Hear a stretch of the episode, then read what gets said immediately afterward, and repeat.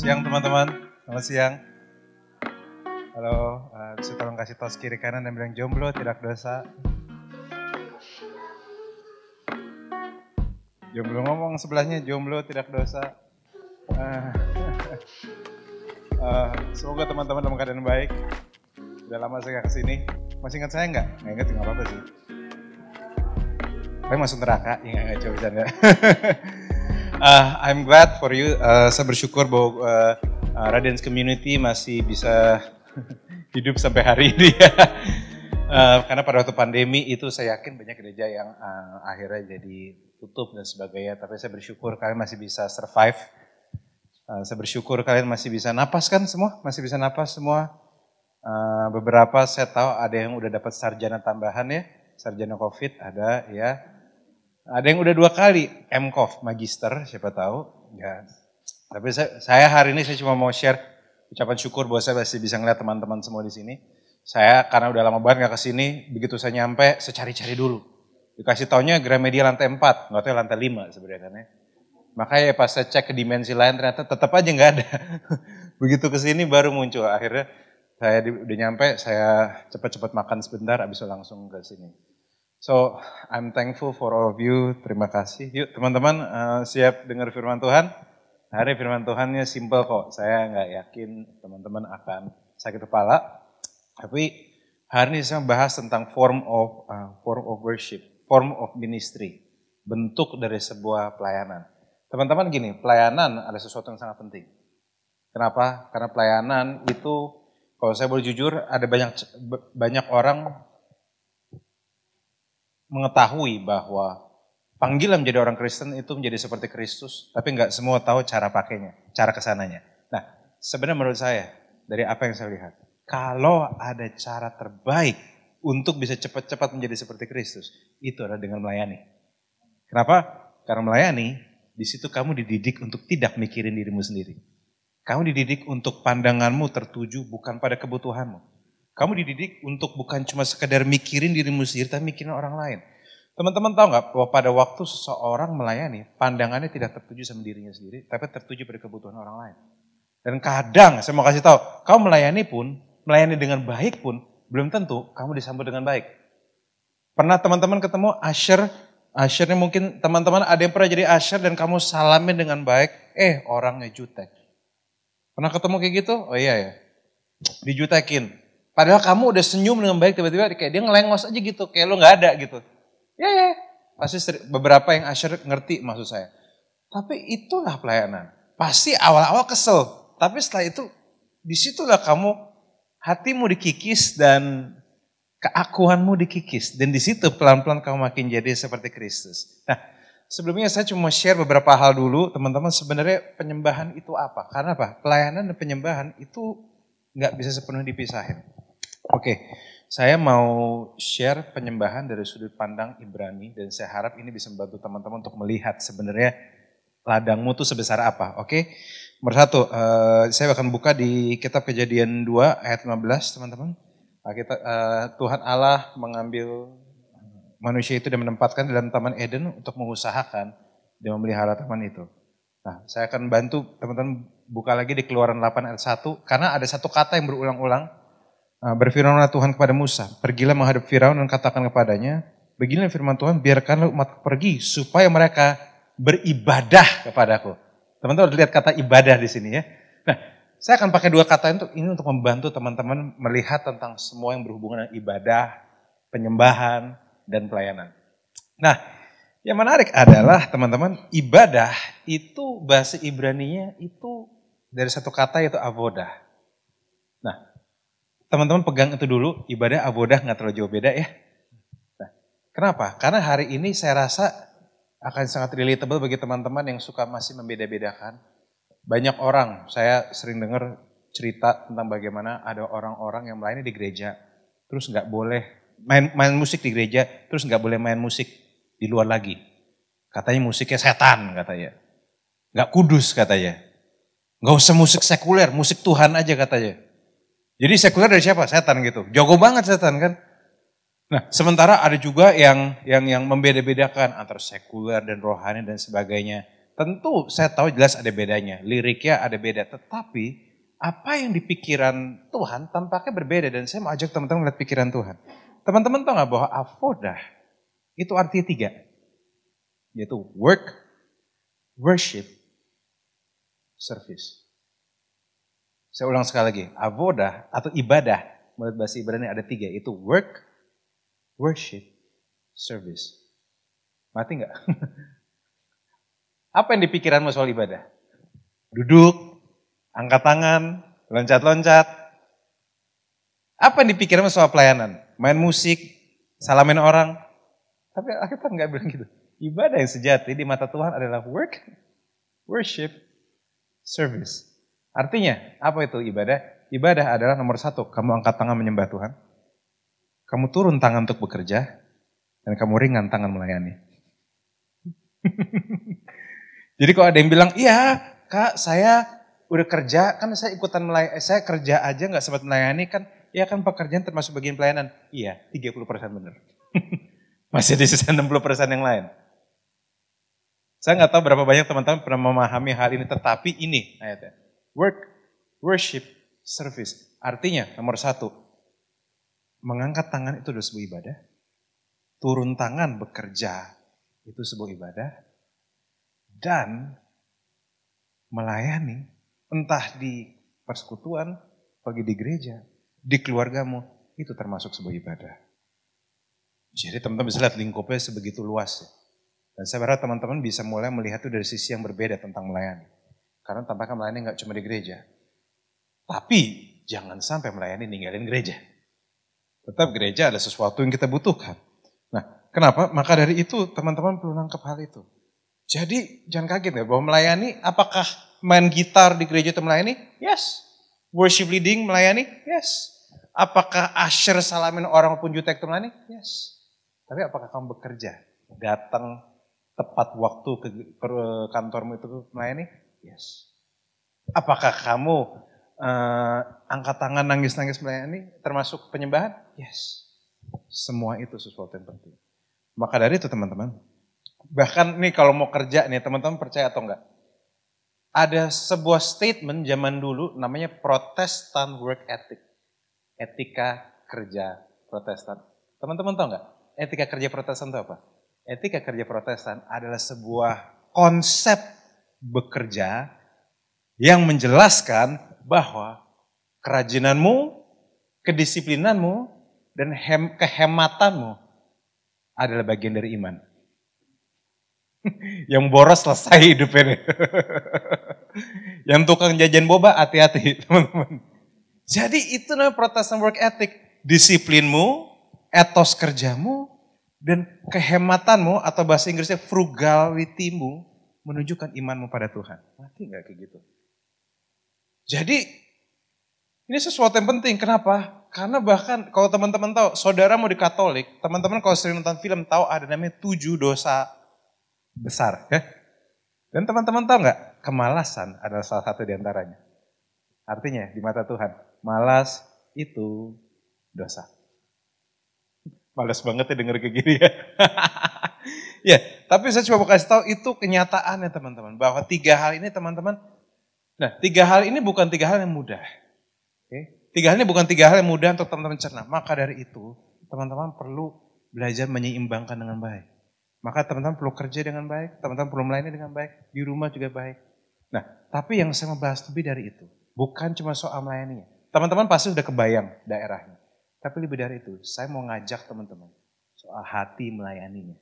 Oke? Teman saya mau ajak teman-teman untuk melayani, untuk mikirin hatinya. Kenapa? Karena kalau kamu sudah ngerti tiga itu adalah bagian dari pelayanan, hatimu harus kita bereskan. Karena kita tidak pernah terlatih untuk melayani sebenarnya. Kita nggak pernah terlatih untuk melayani. Kita maunya dilayanin. Makanya ada statement yang bilang gini, orang pelayanan belum tentu mengasihi Tuhan. Tapi orang mengasihi Tuhan, nggak bisa nggak pelayanan. Tidak mungkin dia tidak berusaha berkontribusi atas apa yang Tuhan lakukan untuk dia. Nah, saya mau ajak teman-teman kita merenungkan di Markus 9 ayat 33 sampai 35 yuk. Markus 9 33 sampai 35. Saya harap Uh, prinsip ini bisa teman-teman tangkap dan bisa kamu aplikasikan ke mana pun kamu berada. Oke, um, Markus 9 ayat 33 sampai 35 ya. LCD sucinya boleh dibuka, silakan. Nah, uh, handphone sucinya boleh dibuka. Oke, uh, saya akan bacain teman-teman ya. Udah dapat semua? Oke, mari kita lihat sama-sama. Kemudian tibalah Yesus dan murid-muridnya di Kapernaum. Ketika Yesus sudah di rumah, ia bertanya kepada muridnya, apa yang kamu perbincangkan tadi di tengah jalan? Tapi mereka diam, sebab tengah jalan tadi mereka mempertengkarkan siapa yang terbesar di antara mereka. Lalu Yesus duduk dan memanggil kedua belas murid itu, katanya kepada mereka. Jika Yesus bilang ini, jika seseorang ingin menjadi terdahulu, hendaklah ia menjadi yang terakhir dari semuanya. Dan pelayan dari semuanya. Teman-teman lihat bahwa Yesus ngelihat bahwa murid-muridnya berdebat. Dan Yesus tidak langsung menyanggah murid-murid ya. Toh dia nggak diajak ngomong juga. Jadi pura-pura bego, dia pura-pura dengar. Jadi pada waktu Yesus tanya, apa yang kamu pertengkarkan tadi jalan? Ada kemungkinan Yesus tahu apa yang dipertengkarkan. Yesus dengar. Tapi Yesus bertanya. Apakah karena Yesus nggak tahu? Bukan. Karena muridnya tidak tahu apa yang mereka bicarakan. Jadi teman-teman harus ngerti ya. Kalau Tuhan bertanya sama kita, itu bukan karena dia nggak ngerti. Tapi sering kali karena kita yang nggak ngerti.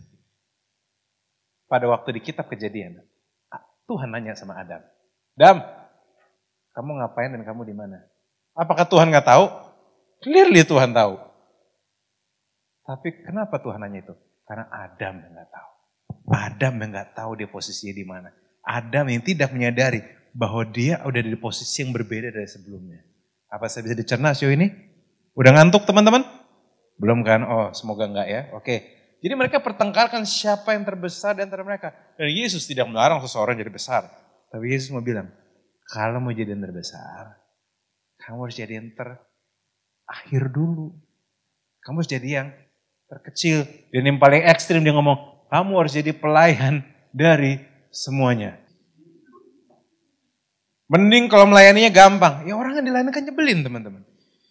Jadi artinya di, jadi sikap hati melayani itu bukan cuma soal bukan cuma soal melayani di mana aja, tapi sikap hatinya teman-teman. Karena sikap hatimu di gereja dan sikap hatimu di luar bisa berbeda. sikap hatimu di sini melayani, sikap di luar kita tidak pernah tahu. Dan maka dari itu sikap hati ini penting.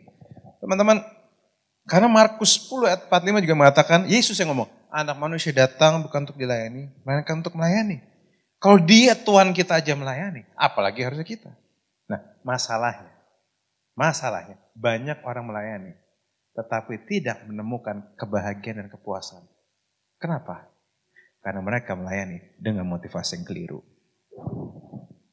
Mereka melayani dengan motivasi pengen deketin cowok, pengen deketin cewek, pengen PDKT, pengen dianggap sama gembala, pengen uh, menjilat, pengen di pencitraan.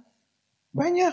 Masalahnya kalau kalau kamu melayani motif yang keliru, kamu nggak bisa temuin, dapetin yang dijanjikan teman-teman.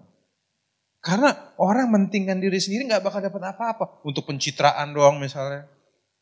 Dan pada waktu mereka nggak dapat, mereka mau, mereka kecewa pergi. Pernah ketemu kayak gitu? Pura-pura nggak tahu, nggak apa-apa sih. Siapa tahu ada yang di sini atau nggak ngaku juga nggak apa-apa, nggak ngaku nggak apa-apa, Tuhan tahu kok. Jadi maka begitu nggak dapet yang mereka mau, begitu cewek yang mereka kejar nggak mau, sakit hati. Saya kecewa sama gereja. Enggak, kecewanya sama cewek itu, bukan sama gerejanya. Cuma disamarin karena tengsin. Ada juga yang kecewa karena gembala dan gerejanya nggak sempurna. Padahal teman-teman tahu nggak? Eh, emang ada yang sempurna. Ada sebuah quotes yang menarik dari seorang Dorce Gamalama mengatakan kesempurnaan milik Allah katanya. Kesannya lucu ya, tapi memang kenyataannya gitu. Gereja memang gak ada yang sempurna. Ada orang yang juga datang ke sini pengen diterima, nggak mau nerima. Pernah ketemu orang kayak gitu?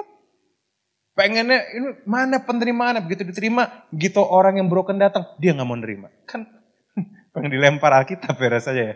Yang orang-orang kayak gitu.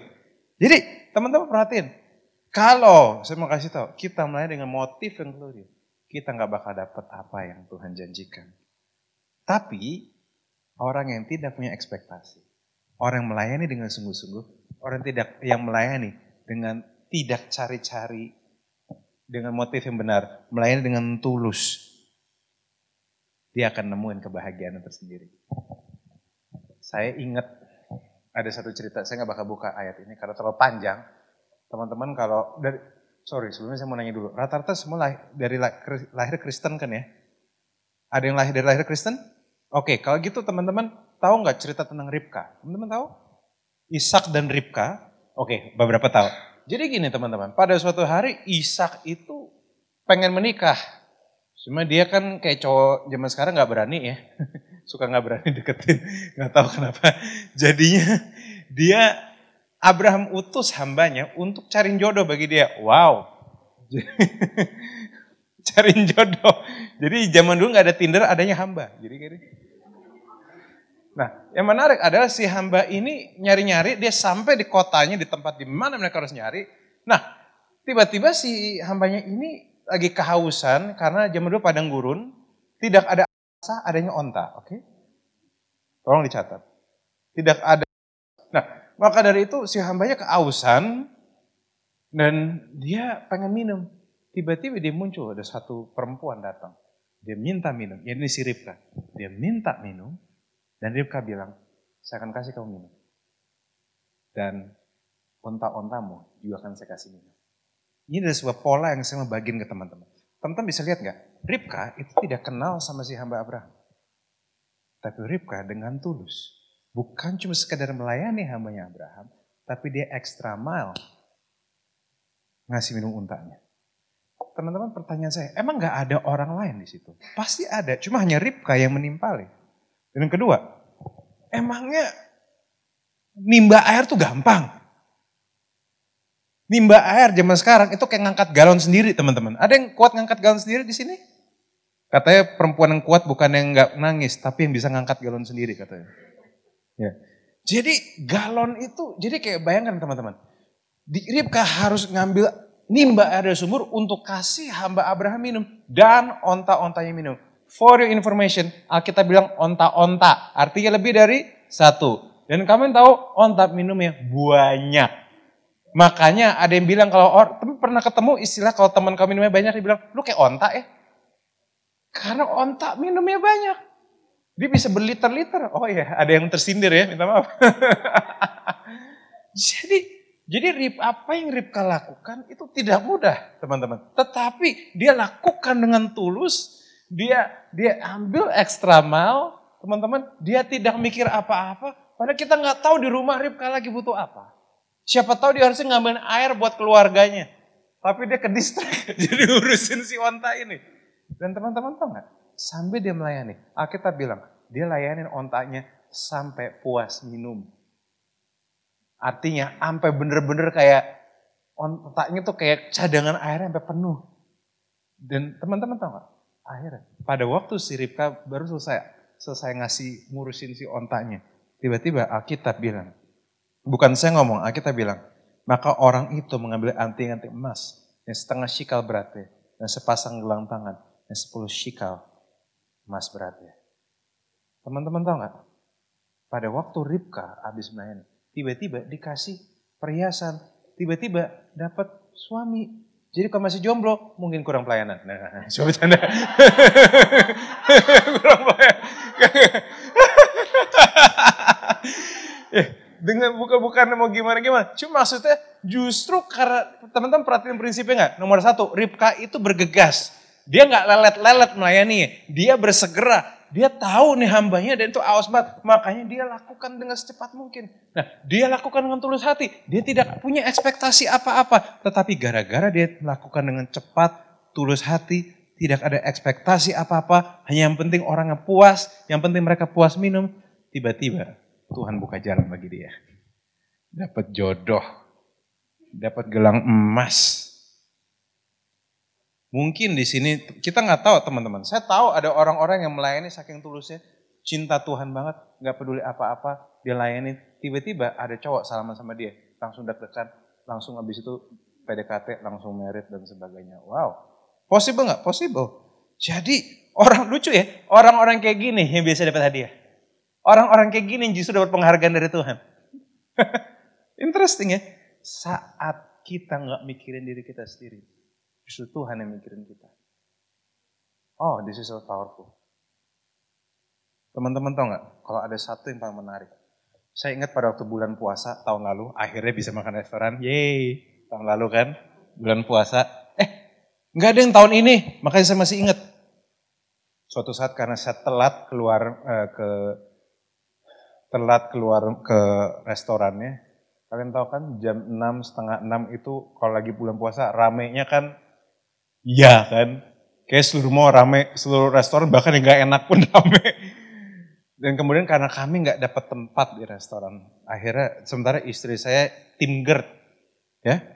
Ada yang tim GERD di sini teman-teman? Tim GERD, tim asam lambung ya, ya, ya. Tim asam lambung, jadi dia tidak boleh telat makan. Oke. Okay. Dan suatu hari karena kami sudah di jam 6 dan dia belum sempat makan, dia tuh sampai udah kayak, tahu kan, udah mulai ada gasnya gitu. Kemudian saya datang ke satu restoran, restoran ini saya tahu penuh, tapi toh saya nanya, saya bertanya apakah masih ada tempat atau tidak. Nah yang menarik adalah pelayannya bilang, Mas maaf tidak ada tempat. Dia mengatakan tidak ada tempat. Saya cuma bisa, dan saya bertanya seberapa seberapa lama saya harus menunggu dan kemudian dia bilang bahwa misalnya dia masih ada tiga, lima antrian lagi. Gila kan, kalian tahu kan, tentu itu membuat saya sedikit deg-degan. Kenapa? Karena kalau istri saya ini udah sakit, maka dia sakitnya mahal. asam lambung itu saat asam lambung dia tuh udah kayak uh, level kelurahan kementerian lah. Jadi memang asam lambungnya parah. Jadi saya udah deg-degan, waduh saya harus nunggu sakit lagi, eh, masa dia harus sakit lagi. Mana kalau isi lagi Mana kalau dia lagi sakit gitu kan nggak bisa dikasih kentang goreng, goreng-gorengan gitu. Dia harus yang agak aman makanannya. Tapi menarik adalah si orang yang tadi ngeliat saya, dia bilang gini, Mas sebenarnya masih ada lima antrian lagi. Tapi setelah mereka nggak datang-datang. Mas kelihatannya si ibu itu banget deh. Udah deh, masuk aja mas. Jadi yang tadinya bukan milik saya. Si mas itu melihat gestur wajah gestur wajah istri saya, dia lihat detil, dia lihat dan dia mengkonklusi sepasang suami istri kelaparan yang lebih membutuhkan bangku dibandingkan yang lain. Mau dibandingkan yang lain. Sehingga dia izinkan saya masuk. Dan bahkan dia bilang begini bahwa misalnya, Mas, Mbak, gini, kamu makan di sini. Dia kasih tahu, bukan cuma dia perhatikan mimik kami, dia perhatikan apa yang kamu butuhkan. Dia bilang, kalau mau enak pilih yang ini, yang ini saya tidak rekomendasi. Dia ngasih tahu semuanya akhirnya jujur aja ya makanannya sih STD ya. Cuma yang bikin enak apa? Pelayanan orang itu. Akhirnya restorannya ya kami bayar sekenanya secukupnya pakai pelayan ya. Kami kasih tip besar. Itulah pelayanan. Matanya tidak tertuju pada kebutuhan dia, tapi tertuju pada kebutuhan orang. Teman-teman di gereja ini, kalau kamu mau pelayananmu berdampak, satu, kamu harus pikirin, Ministry is never about you. Di mana pun kamu berada, mau di kantor di mana pun, is never about you. Semakin teman-teman ngerti hal itu, semakin dampak pelayanan akan besar. Semakin kamu kamu uh, menyadari hal ini, semakin pelayananmu akan besar. Kenapa? Karena pada waktu kamu salaman pun, kamu ditolak, kamu cuek aja. Memang ini bukan tentang perasaanmu. Amin. Bukan tentang perasaanmu. Justru pada waktu melayani, nggak usah pakai perasaan-perasaan. Layani dengan yang baik. Kalaupun ditolak, nggak apa-apa. Tuhan tidak menolak kamu kok. Nah, ini teman-teman. Jadi kenapa? Karena Kolose 3 ayat 23 mengatakan, apa-apa yang kamu perbuat, perbuatlah dengan segenap hatimu. Seperti untuk Tuhan dan bukan untuk manusia. Kenapa? Karena bahwa dari Tuhan lah, kamu akan menerima bagian ditentukan bagimu sebagai upah. Karena Kristus adalah Tuhan dan kamu hambanya. Teman-teman, sikap kita, hati kita sesuatu yang penting. Kita lakukan semua untuk Tuhan. Kenapa? Karena bukan, memang CEO-mu atasanmu, tapi Tuhanlah bosmu. Dia yang memberkatimu lewat CEO-mu. Dan teman-teman tahu nggak bahwa pelayanan adalah sesuatu yang sangat dihormati Bapa di surga.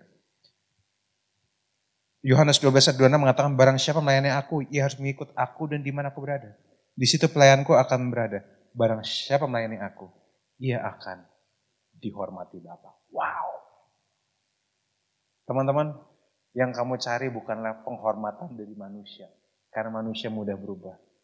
Tapi Tuhan kasih ketahu, kamu bisa dihormati Bapa di surga.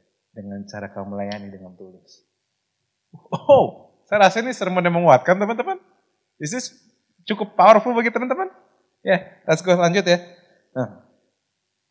Dan teman-teman tahu nggak bahwa pelayanan adalah latihan untuk kamu dipercaya besar.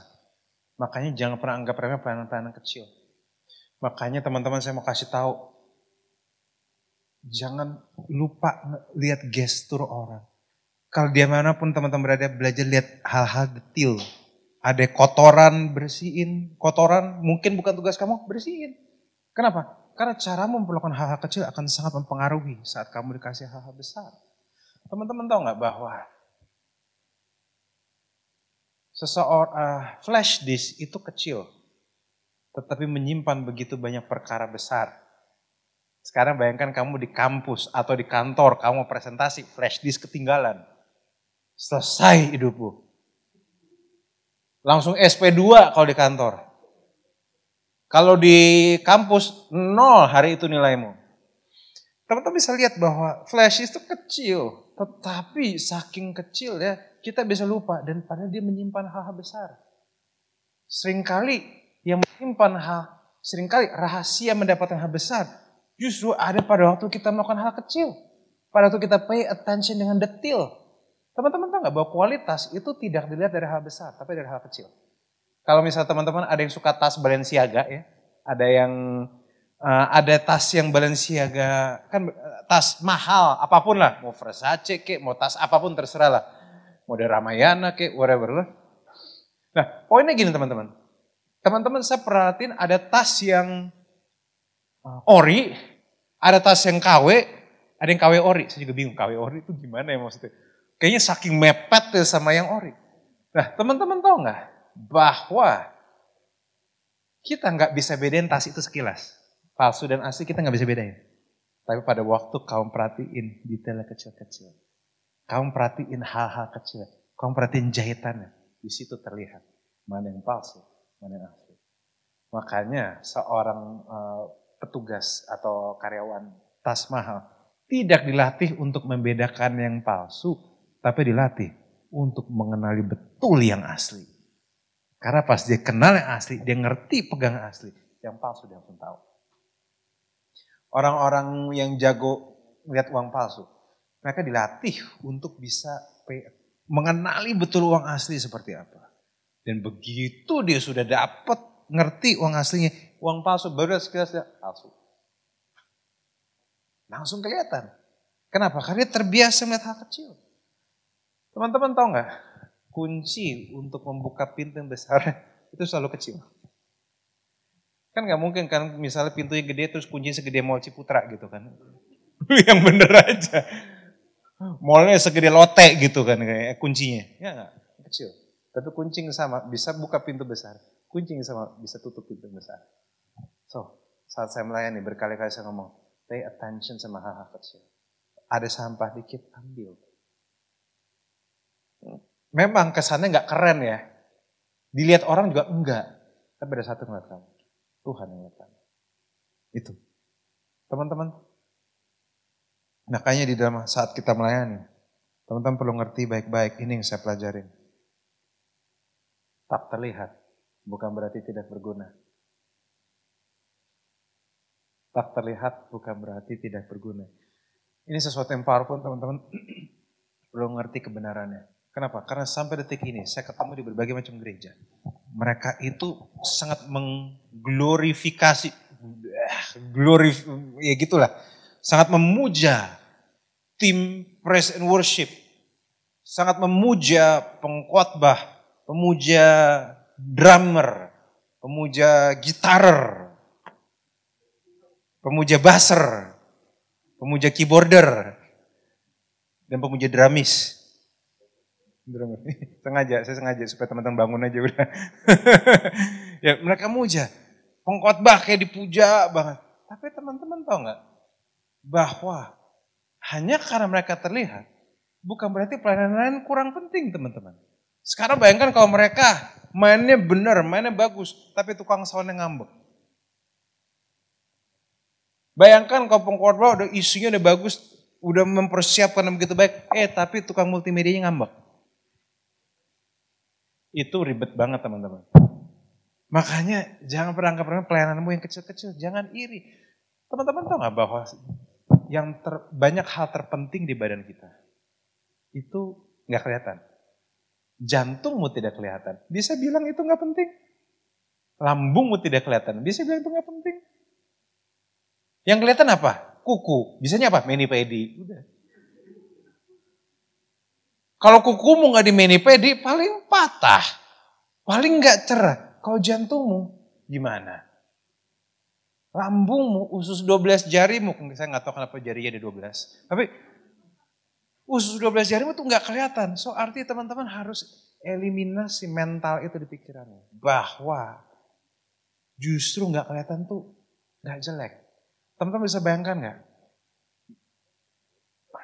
Kalau di sini udah melayani semua, terus tidak ada yang siapin konsumsi gitu misalnya kesannya konsumsi doang, ngurusin makanan doang. Eh kata siapa ngurusin makanan doang? Teman-teman tahu nggak? Tidak ada logistik, tidak ada logika.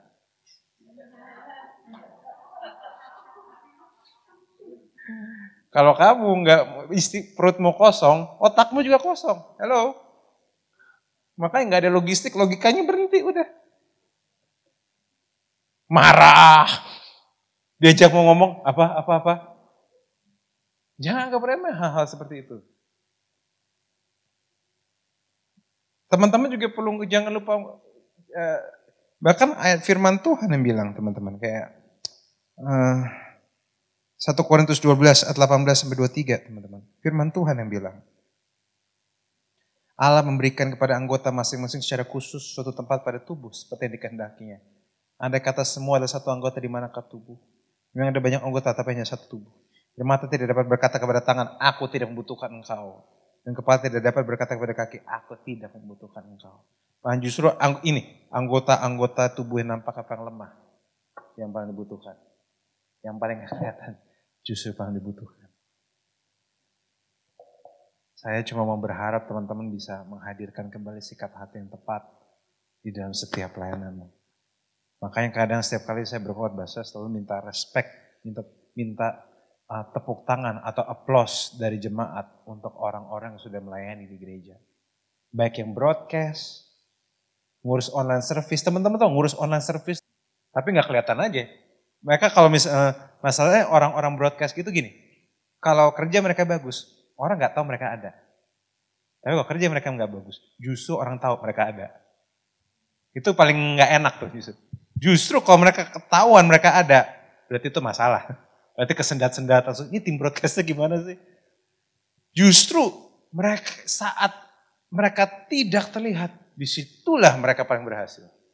Wow. Jadi jangan lihat pelayananmu cuma dari situ teman-teman. Di mana pun kamu berada, di keluarga kamu berada. Ada masalah-masalah mungkin kamu harus urus. Tanpa orang tua perlu tahu. Ya urus saja dengan baik. Orang tua tapi nggak tahu. Ya emang kenapa? Kalau mau kasih tahu silakan, kalau nggak nggak apa-apa. Yang penting urusannya selesai. Di dalam di dalam misal gerejamu juga, di dalam keluarga, di dalam pekerjaanmu.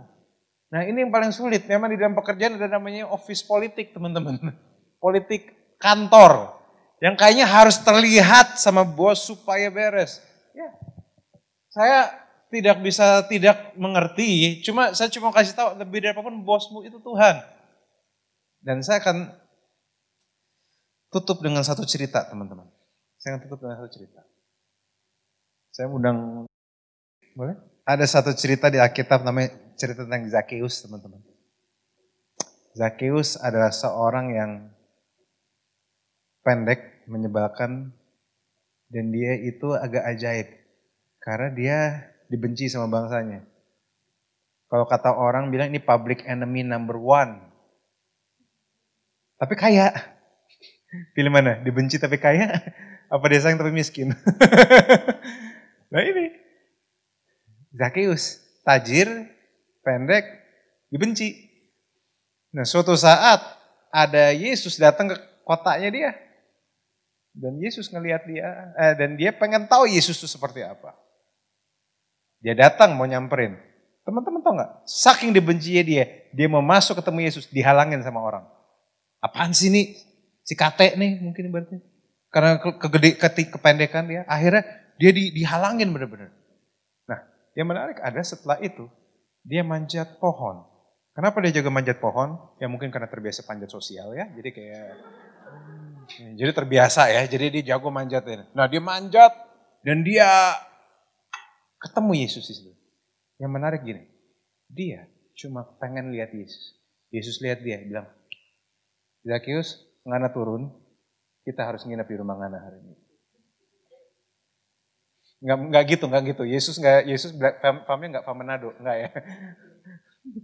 uh, saya mau nginep di rumahmu. Dan teman-teman tahu, pertemuan Zakius dengan Yesus itu membuahkan sesuatu di hati Zakius. Setengah barang ya diberikan ke orang miskin. Yang dia peres diganti empat kali lipat. Teman-teman, itu lebih tinggi keuntungannya dari robot trading, teman-teman. Ada yang pernah kejebak? Gak usah pura-pura. oh di sini nggak ada ya, nggak ada yang ngaku ya. Air matanya gak banyak ya. ya, lebih tinggi dari robot trading. Empat kali lipat.